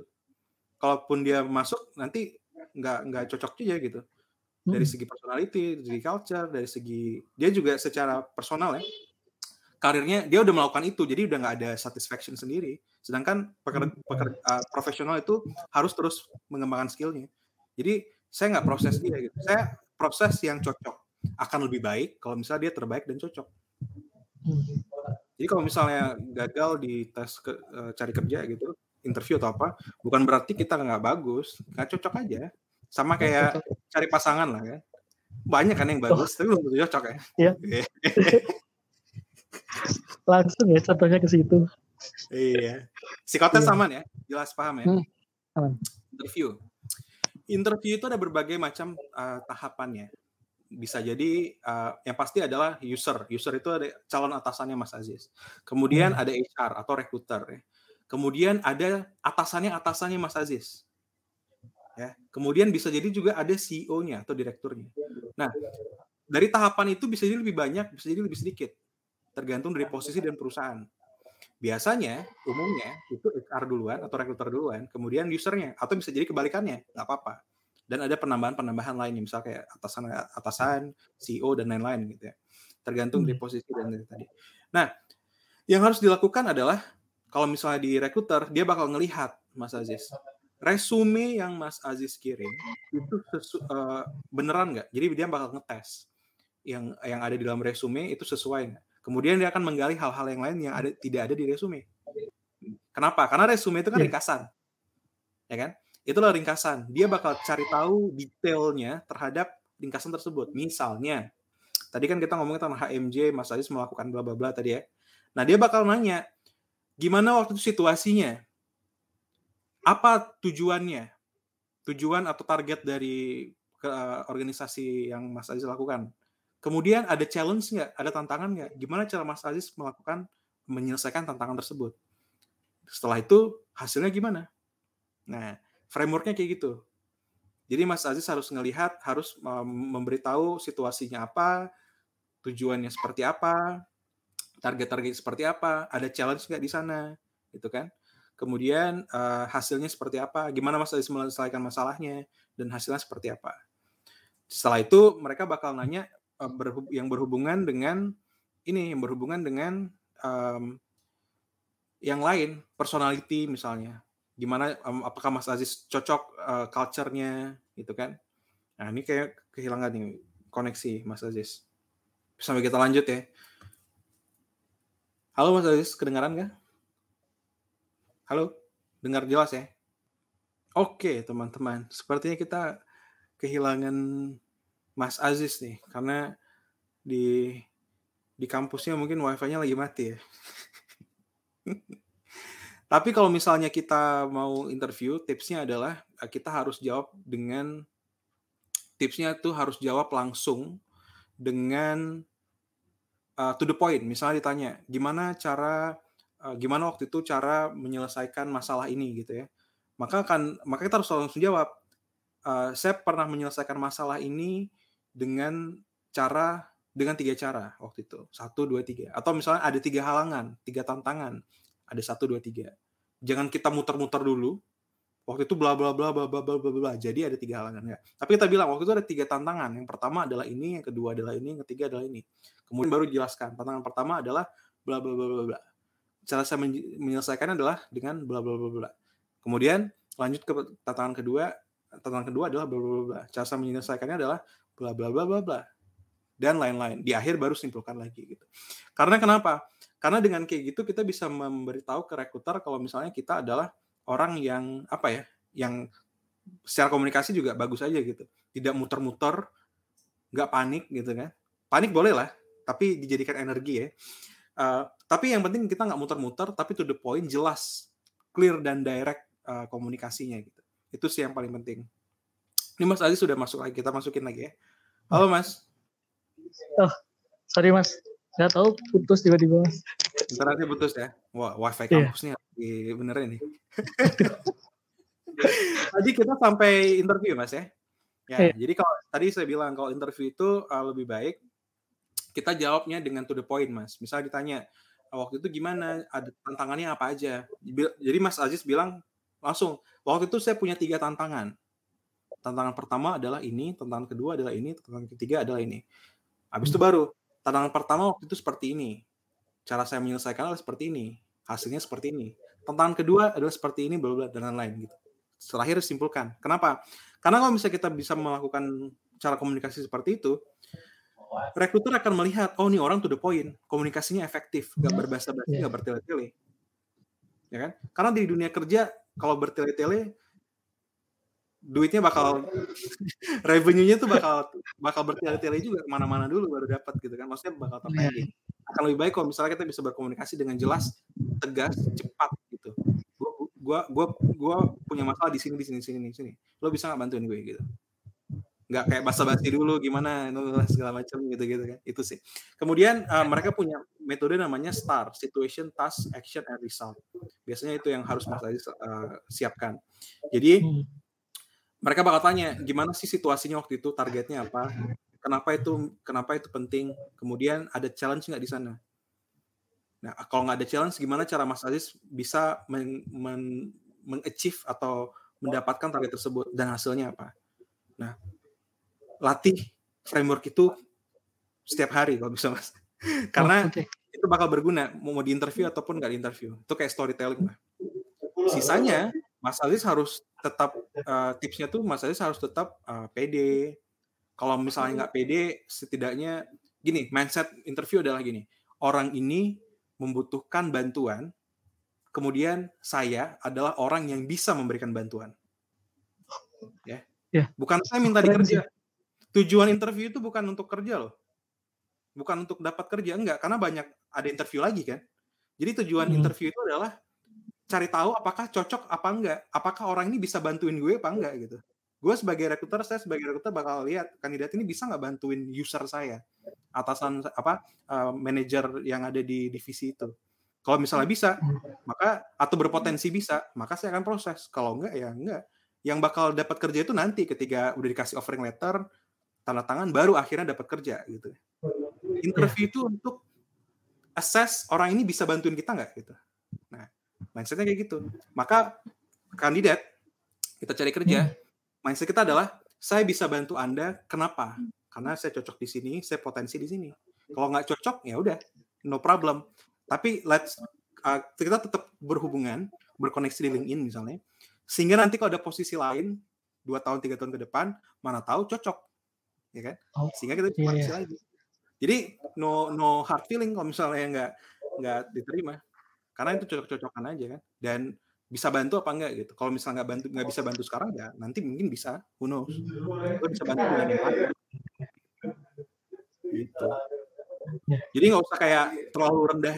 Biasa banyak kandidat yang, aduh gue mau dapat kerja nih, gue harus bla bla bla gitu gitu kan. Harus apa? Ya. Sugar coating ya, harus bilang sesuatu yang baik dan bagus ke perusahaan enggak. Sopan banget. dia perusahaan itu butuh bantuan kita gitu kan? Dan ketika hmm. kita bisa bantu dengan baik maka kita akan dikasih reward. Rewardnya itu berupa gaji dan benefit-benefit yang lainnya. Misalnya kayak pengembangan karir kesempatan untuk bisa mengembangkan skill lebih bagus. Itu yang lebih penting dibandingkan duit. Karena kalau misalnya skill makin bagus duit bakal datang ke depannya. Kemudian benefit-benefit lainnya, asuransi, apalah segala macam gitu. Itu rewardnya gitu. Kalau kita bisa mengerjakan sesuatunya dengan bagus sesuai dengan target, bahkan lebih dari target gitu. Jadi hmm. mindset kerja tuh kayak gitu. Kalau misalnya mindsetnya udah kayak gitu, percayalah semuanya bakal beda nanti. Cara kita menjawabnya, cara kita berkomunikasi, body language, cara kita ngomong, membuat kata-kata, kalau kita diterima atau tidak, kalau kita di pressure atau enggak, biasa aja karena lo butuh gue juga kok gitu kan. Butuh bantuan gue juga. Yeah. Tapi bukan berarti kita juga jumawa ya. Bukan berarti kita juga jadi sombong gitu. Karena banyak yang lain yang bisa bantuin dia, bukan cuma kita doang. Kecuali kecuali kita adalah dokter spesialis yang spesialis yang tidak ada yang lain, nah itu uh, itu nggak apa-apa lah. Tapi nggak boleh juga sih, nggak boleh, nggak boleh tetap sombong. Harus tetap humble gitu. Mm. Gitu. Kalau misal di user bakal ditanya, uh, dia cocok nggak ya kira-kira karakter dan personality dia bakal cocok nggak dengan cara kerja gue gitu itu yang bakal di assess. Oh, Karena kan manajer itu punya target ya. Target itu bakal dibantu sama timnya. Nah, Mas Aziz adalah tim saya misalnya, calon tim saya. Maka saya harus ngelihat gimana cara Mas Aziz bekerja, gimana cara Mas Aziz berkomunikasi, gimana cara Mas Aziz menyelesaikan masalah dan lain-lain. Itu yang bakal diakses. Maka saya akan bertanya mengenai hal itu. Maka Mas Aziz akan menjawab pengalaman dulu tuh kayak gimana. Kemudian bakal kalau misal belum pernah maka akan menjawab bakal bakal menjawab gimana cara Mas Aziz bakal menyelesaikan itu. Kemudian saya akan akan lihat cocok nggak ya dengan cara kerja gue. Kalau misalnya cocok, maka gue pertimbangan untuk masuk ke tahap selanjutnya. Mau itu in next interview atau tanda tangan offering. Kalau tidak, maka saya cari yang lebih cocok gitu. Jadi bukan berarti nggak bagus, tapi nggak cocok aja. Gitu sih. Kalau misalnya di interview dengan atasan atasan, itu bakal dilihat. Orang ini bisa nggak berpotensi nggak sih? Jadi biasanya berpotensi nggak sih uh, menjadi salah satu leader di sini atau berkarir di sini? Biasa gitu. Dan cocok nggak dengan pekerjaannya? Bisa itu juga. Kalau di interview dengan CEO itu bakal dilihat culture-nya tuh pas nggak? Karena kalau CEO itu biasanya ngelihat dia bisa menjadi orang yang merepresentasikan perusahaan saya tidak? Dia bisa dia bisa menjadi growth engine dari perusahaan saya tidak? Gitu drive dan desire dia untuk bekerja seperti apa drive dan desire dia untuk membantu dan menyelesaikan pekerjaan seperti apa. Biasa itu yang dilihat oleh seorang CEO. Technicalities-nya nggak begitu karena ada ada manajernya kan. Tapi yang dilihat hmm. adalah seperti itu. Mindsetnya gimana sih mindset kerjanya ini? Apakah untuk cari duit doang? Atau untuk mengembangkan karir gitu kan? Atau yang lain gitu. Itu yang bakal dilihat oleh CEO. Jadi setiap setiap level interview itu mempunyai biasanya punya karakter sendiri dan punya tujuan sendiri untuk interview. Ya, ya. Berarti ini berarti kayak harus kalau maksudnya harus sudah ada pikiran ini maksudnya karir kita mau dibawa ke mana gitu. Iya. Kita kan masih gitu. kadang ya kalau mas, maksudnya seperti saya sendiri lah masih mungkin belum ada kepikiran sampai tahap seperti itu. Ya mungkin hmm. butuhnya ini cari kerja ya udah eh, untuk ada pemasukan gitu mas. Ya bisa, tapi kan cara cara untuk kalau misalnya kita punya masalah nih, masalah kita adalah kita butuh pemasukan. Caranya kan nggak mesti kerja, bisa jualan bisa franchise, hmm. bisa jualan. Saya dulu pernah jualan pulsa. saya pernah dropship di Tokopedia. Itu kan bisa dapat hmm. duit. Kalau misalnya cuma hanya untuk dapat duit, maka nanti motivasinya bakal kurang bagus aja sih. Karena cuma okay. untuk dapat duit gitu. Tapi kalau misalnya gini, mungkin Mas Aziz sekarang di fase di mana nggak tahu mau berkarir di mana ke depannya. Iya. Nggak apa-apa. bingung. Nggak apa-apa, nggak apa-apa, nggak apa-apa. Sangat tidak apa-apa. Karena pekerjaan itu tidak 85% pekerjaan 60% pekerjaan di tahun 2030 sorry 85% pekerjaan di tahun 2030 itu belum ter, belum tercipta mas Aziz belum ada sekarang meaning kita nggak pernah tahu apa yang bakal kita bakal jadi apa kan bisa jadi bisa jadi pekerjaan itu tuh ada nanti kayak sekarang youtuber 10 20 tahun lalu mana ada orang jadi youtuber kan sekarang kalau misalnya masih jadi youtuber masih bisa dapat duit lebih banyak dibandingkan kerja corporate makanya beda Nah, yang paling penting adalah gini. Kalau misalnya Mas Aziz belum tahu, saya juga dulu belum tahu waktu fresh graduate mau jadi apa gitu kan karirnya. Mas Mas Aziz harus mencoba. Dan yang dicoba itu, yang diarahkan itu bukan pekerjaannya, bukan ke pekerjaannya kalau ada pekerjaan bagus, tapi kalau tidak tahu pekerjaannya, maka yang harus diarahkan atau di trying yang dicoba untuk dilatih atau di kita mau menuju ke mana gitu, itulah skillnya Mas Aziz. Skill. Mas Aziz skillnya ya Mas di setiap pekerjaan kan pasti membutuhkan skill kan, analisa, hmm. public speaking, interpersonal, persua persuasion, sales, digital marketing, lain-lain ya. Nah, yang diarahkan atau yang ditargetkan adalah skillnya. Mas Aziz dalam 10 tahun ke depan skill analisanya mau level selevel kayak gimana? Hmm, ya. Nah, levelnya itu bisa jadi pekerjaan berbagai macam pekerjaan, nggak cuma di uh, nggak cuma di legal doang misalnya bisa jadi di tempat lain jadi skillnya dalam 10 tahun ke depan gue pengen skill analisa gue selevel apa ya selevel di mana kalau misalnya gue bisa analisa ini maka masalah orang itu bisa banyak masalah orang yang bakal terselesaikan misalnya. Nah bisa kan? Ya. Nanti bisa jadi menjadi bisnis analis bisnis bisnis uh, analisa bisnis. Karena kalau misalnya kita bisa menganalisa market atau market ana analisis. Kalau misalnya kita bisa menganalisa customer market, behavior market, perilaku market, masalah market, kemudian kita bisa menciptakan strategi atau ide yang tepat gitu kan, sehingga bisa menyelesaikan banyak masalah, misalnya kayak gitu. Nah, mungkin 10 tahun ke depan gue mau jadi orang yang kayak gitu, mau menjadi hmm. orang yang level skillnya setinggi itu. Nah, pekerjaannya bisa bebas, nggak mesti harus pekerjaan yang udah ada sekarang gitu.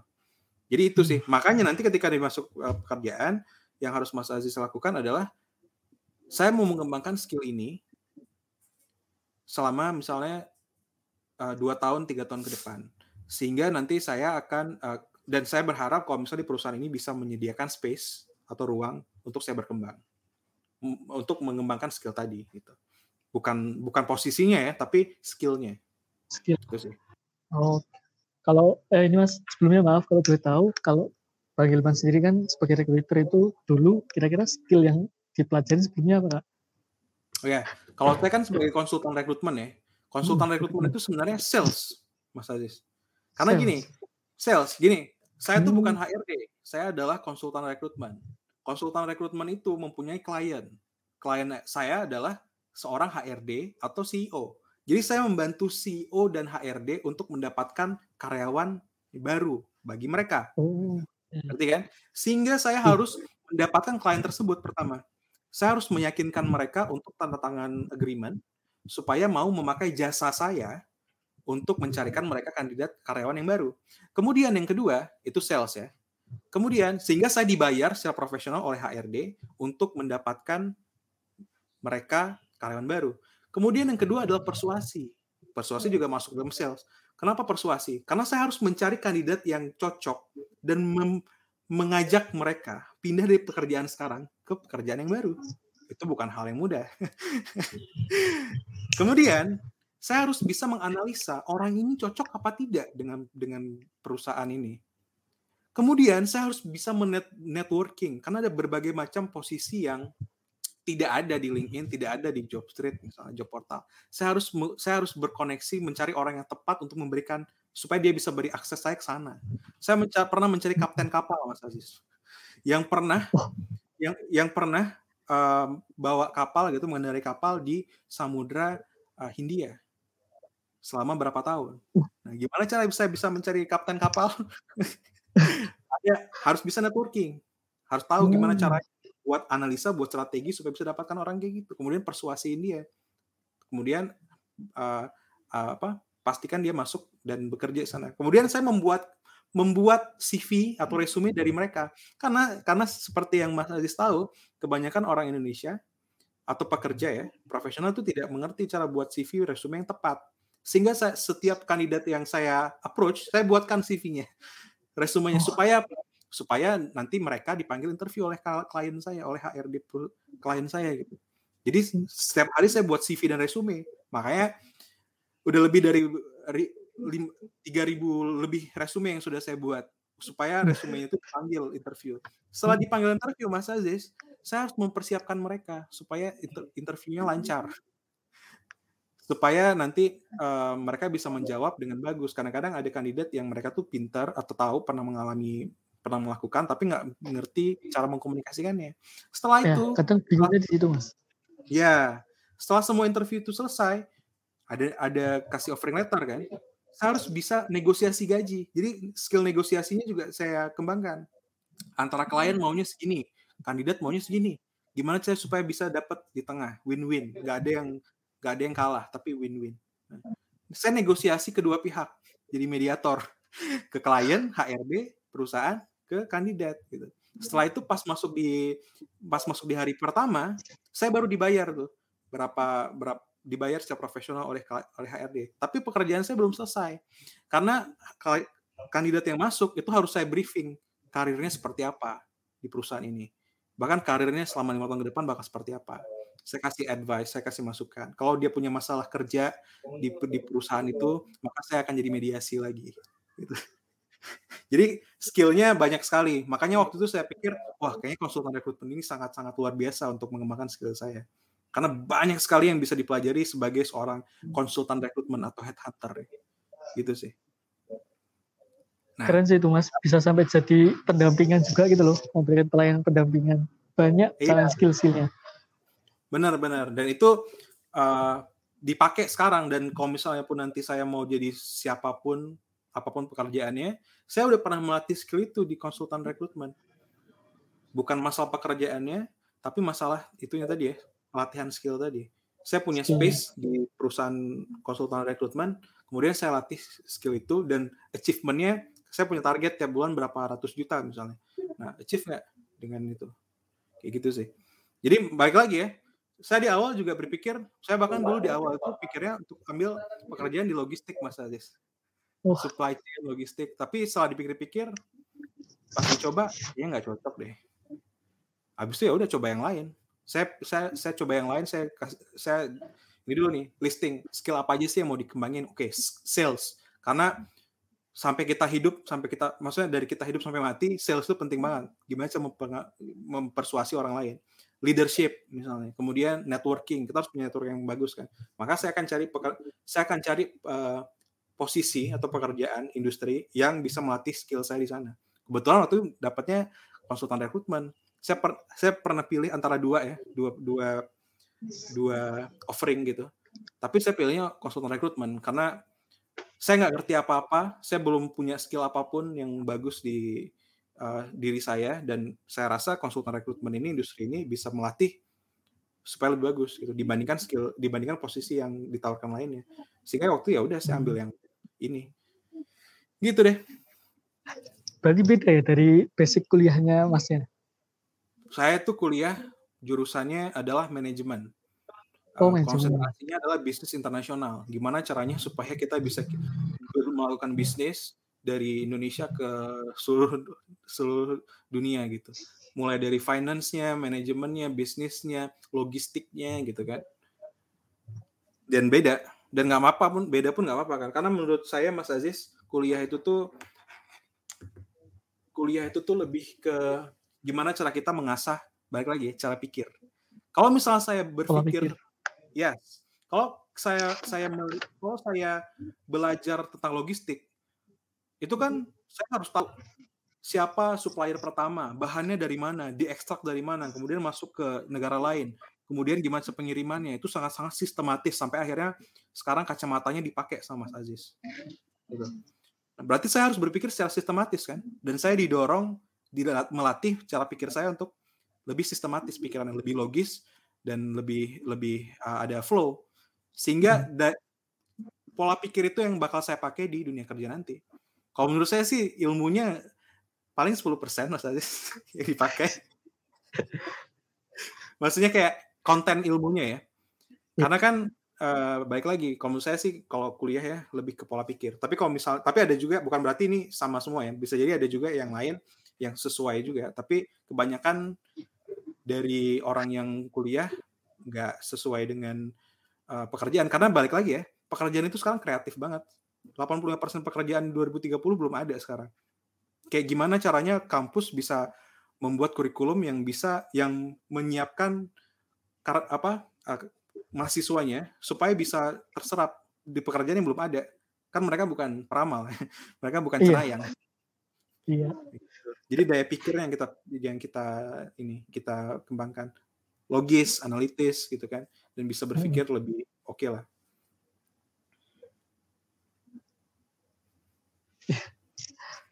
Ya. Ada lagi pertanyaan? Hmm. Oh ini masalah yang kasihnya ini bagaimana tips untuk ketika kalau kita besok negosiasi gaji mas? Ah. Tips negosiasi gaji. Oke. Okay. Pertama, Mas Aziz harus tahu dulu salary marketnya berapa. Nah, itu bisa dilihat di banyak banyak banyak report. Ada dari Corn Ferry, ada dari Michael Page gitu kan. Ada dari banyak hal. Coba di googling aja. Pertama itu. Yang kedua, um, jadi supaya bisa tahu marketnya ya, market salary-nya ada berapa. Yang kedua adalah um, pastikan gini, kalau sebagai fresh graduate sebenarnya tidak banyak yang bisa kita offer, Mas Mas Aziz. Karena kenapa? Karena kita masih baru sih. Hmm. Kecuali kecuali apa ya? Kita punya negosiasi itu kan basically kita punya apa, mereka punya apa, kemudian kita kita kita kita diskusikan gitu kan. Misalnya kita punya tiga variabel yang tiga hal yang membuat kita tuh adalah yang paling bagus.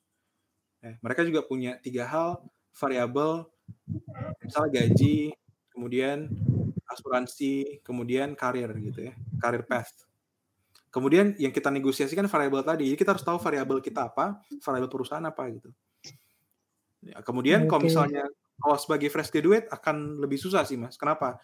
Karena pengalamannya belum begitu besar. Kecuali kalau misalnya kita adalah profil yang pernah ikut tiga tiga apa tiga acara di UN gitu sama kampus.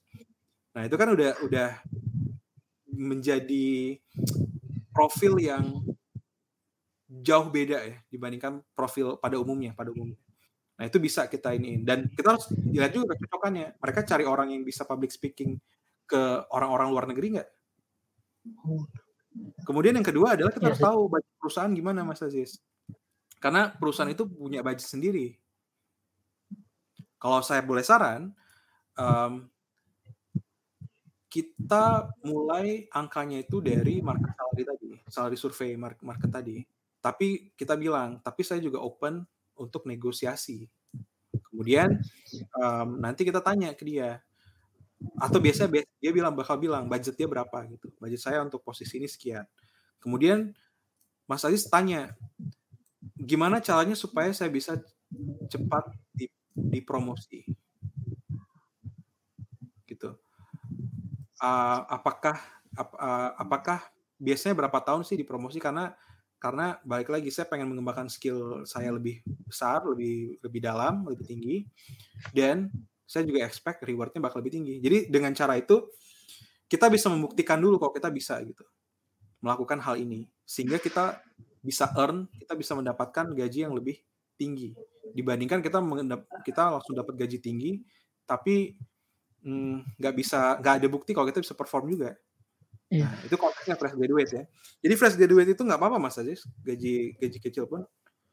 Gaji saya dulu waktu kecil uh, pas masuk pertama tiga juta setengah. Waktu magang 1,5 per bulan. Tapi dengan cara itu uh, kita bisa kita bisa apa ya? Bisa bekerja lebih keras dan bisa belajar lebih banyak sehingga yang penting tuh sebenarnya promosinya lebih tinggi ya. Tapi baik lagi tergantung kasus kasus per kasus sih gitu mending kayak gitu. Sehingga kalau misalnya kita udah bisa mendapatkan skill yang kita targetnya udah tercapai skill kita udah berkembang maka kita berhak untuk minta. Saya butuh responsibility yang lebih besar. Sehingga rewardnya pun pasti lebih besar. Mending kayak gitu sih sebagai fresh graduate. Jadi lebih cepat berkembang dibandingkan dari awal udah dapat gaji besar gitu. Dan jangan jangan jangan peduliin kata orang lain menurut saya. Wah saya gaji gua gaji dulu di sini sini. Nobody cares nggak ada yang peduli dengan gaji lo berapa. Benar benar. benar. Gitu. Hmm, ya. Gimana Mas Terus yang terakhir juga. Hmm. Ada satu lagi. Kira-kira kalau kita coba uh, mendaftarkan kerja itu lewat email, nah itu kayak persyaratannya mungkin CV, foto, ijazah dan lain-lain itu itu kita jadikan format zip atau satu-satu aja PDF gitu. Jadi dikirim langsung lewat emailnya email hmm. lamaran. Oke, okay. formatnya email ya. Form, hmm. uh, kalau kirimnya via email, formatnya perlu di, dibuat jadi zip atau satu-satu aja gitu ya. Iya. Pertama harus pastiin dulu mereka butuh butuh itu. Kalau misalnya diminta itu maka kita kirim. Kalau enggak nggak diminta nggak usah dikirim karena oh, uh, itu buang-buang waktu. Oke, okay. kalau misalnya ternyata diminta, saya rasa lebih bagus untuk dibuat menjadi satu-satu sih, nggak dibuat jadi zip. Tapi oh, okay. filenya itu di reduce, jadi nggak terlalu berat dan terlalu besar. Karena kenapa? Kalau misalnya saya sebagai rekruter gitu kan, saya punya saya punya posisi yang harus dicari, kemudian banyak orang yang melamar, dan ternyata ketika saya mau lihat ijazahnya Mas Mas Aziz sebagai kandidat, terus harus buka lagi file zipnya, ribet lebih lama gitu. Hmm. Tapi kalau misalnya saya mau lihat uh, saya mau langsung lihat ijazahnya dan saya mau langsung buka. Sekali klik gitu itu bakal lebih bagus. Apalagi kalau misalnya filenya di reduce jadi dia tidak terlalu besar. Uh, eh, KB-nya gitu ya size size yeah. size dokumennya. Lebih baik gitu sih mas. Jadi pertanyaannya adalah uh, justru kita harus bisa gimana caranya supaya kita bisa membuat rekruter itu lebih gampang menyeleksi berkasnya kita. Nah, menurut saya pribadi nggak usah pakai zip kecuali diminta untuk pakai zip. di, di dikompres ya. Nah, oh, iya. Pastikan namanya itu nama dokumennya itu jelas. Misalnya diminta ijazah, berarti tulis ijazah strip Abdul Aziz. Kemudian yeah. yang kedua uh, apa surat nikah hmm. Abdul nah. Aziz. Oh, gitu ya. Satu-satu gitu ya. formatnya ini ya CV Abdul Aziz, terus SKL gitu-gitu ya. Iya, iya, iya. Ya, surat nikah itu bercanda ya, jangan dibawa serius. gitu Mas Aziz. Jadi mereka lebih gampang sortirnya. Jadi kalau misalnya kita bingung, kita pakai kita pakai first principle. Prinsip dasarnya adalah gimana cara gua bisa membuat rekruter ini lebih gampang sortirnya. Itu selesai deh. Gitu ya. Jadi Mas ya. Aziz habis ini tolong di-apply, dipakai cara-caranya gitu ya. Cara-cara tadi yang udah di apa di kita diskusikan. Yang pertama adalah cari posisi yang tepat dulu Jangan hmm. kalau misalnya kita cari posisi apply posisi yang tidak tepat, sama aja kayak kita udah gagal duluan. Pasti nggak nggak nggak cocok gitu kan. Bukan bukan berarti nggak bagus ya, tapi nggak cocok kan. Kemudian revisi resumenya dengan cara-cara tadi. Kalau misalnya masih butuh uh, insight yang lain, coba baca di Instagram atau di Twitter saya. Saya sudah rangkum lah itu di sana gimana cara buat CV-nya gitu kan. Kemudian uh, pastikan ya tadi tips-tips tadi di, di, dipakai. Kalau misalnya bingung lihat rekaman ini lagi. Kemudian uh, dipakai dan nanti uh, let me know gimana hasilnya. Harusnya peluang untuk Mas Aziz bisa dapat kerjanya bakal lebih lebih cepat. Dan yang paling pasti Mas Aziz harus dilakukan adalah take action ya. Yeah. dilakukan ya. Kalau nggak dilakukan sama aja. Kalau hmm. saya sih tidak ada ruginya, karena saya, tujuan saya adalah membagikan ini kepada Mas Aziz dan teman-teman lainnya. Tapi kan Mas Aziz punya prioritas sendiri ya, silahkan dikerjakan dan semoga bisa membantu dan bisa memperbesar peluang Mas Aziz bisa mendapatkan kerja. Amin. Ya. Sip, Mas Aziz. Sip. Sip. Aman Sangat ya? Bantu kan? Aman. Ya. ya. Sekali lagi terima kasih Mas Aziz sudah udah mau bagiin cerita kerjanya. Nanti sharing-sharing uh, gimana hasilnya ke teman-teman supaya teman-teman juga bisa terinspirasi, bisa termotivasi uh, untuk mendapatkan kerja dan membagikan cerita kerjanya ke yang lain. Siap ya Mas Aziz ya. Sampai jumpa di kesempatan ya, selanjutnya. Makasih, makasih banyak Kak. Yuk. Oke teman-teman, terima kasih sudah menonton sampai uh, akhir dari sesi ini. Semoga bisa membantu uh, masalah teman-teman semua dan kita doakan supaya Mas Aziz bisa mendapatkan uh, kerja ya, mendapatkan posisi yang tepat, kemudian bisa cepat dapat kerja. Begitu juga teman-teman yang menonton program ini, talk show ini sampai habis. Jadi kalau misalnya sekali lagi kalau misalnya teman-teman ingin di menceritakan membagikan cerita kerjanya. Silahkan teman-teman kunjungi www.gilmanamri.id kemudian silahkan isi formnya. Dan kami akan tim kami akan menyeleksi ya memilih ya yang beruntung yang paling urgent butuh dapat kerja dan kasusnya paling menarik nih saya kasih bocoran. Sehingga nanti kita akan undang ke dalam Saturday Tea with Saturday Morning Tea with Gilman Amri dan kita akan gali dan bedah satu persatu masalahnya apa, kita kasih konsultasi kerja dan bisa supaya bisa membantu orang tersebut, membantu Anda dan membantu orang-orang yang menonton program ini. So, teman-teman terima kasih banyak. Sampai jumpa di Saturday Morning Tea selanjutnya. See you.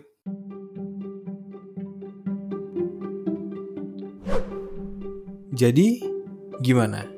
Apa episode ini sudah menjawab masalah karir Anda? Kalau belum, silahkan cek www.gilmanamri.id dan daftarkan diri Anda. Siapa tahu cerita kerja Anda yang akan dipilih untuk episode selanjutnya. Oh ya, satu hal lagi nih. Gimana kalau sekarang kita bagikan channel ini ke teman-teman yang lagi cari kerja atau punya masalah kerja? Siapa tahu mereka terbantu dari konten-konten yang ada di sini. Sama-sama kita memberi manfaat ke lebih banyak orang. Kita plus satu kebaikan hari ini. thank you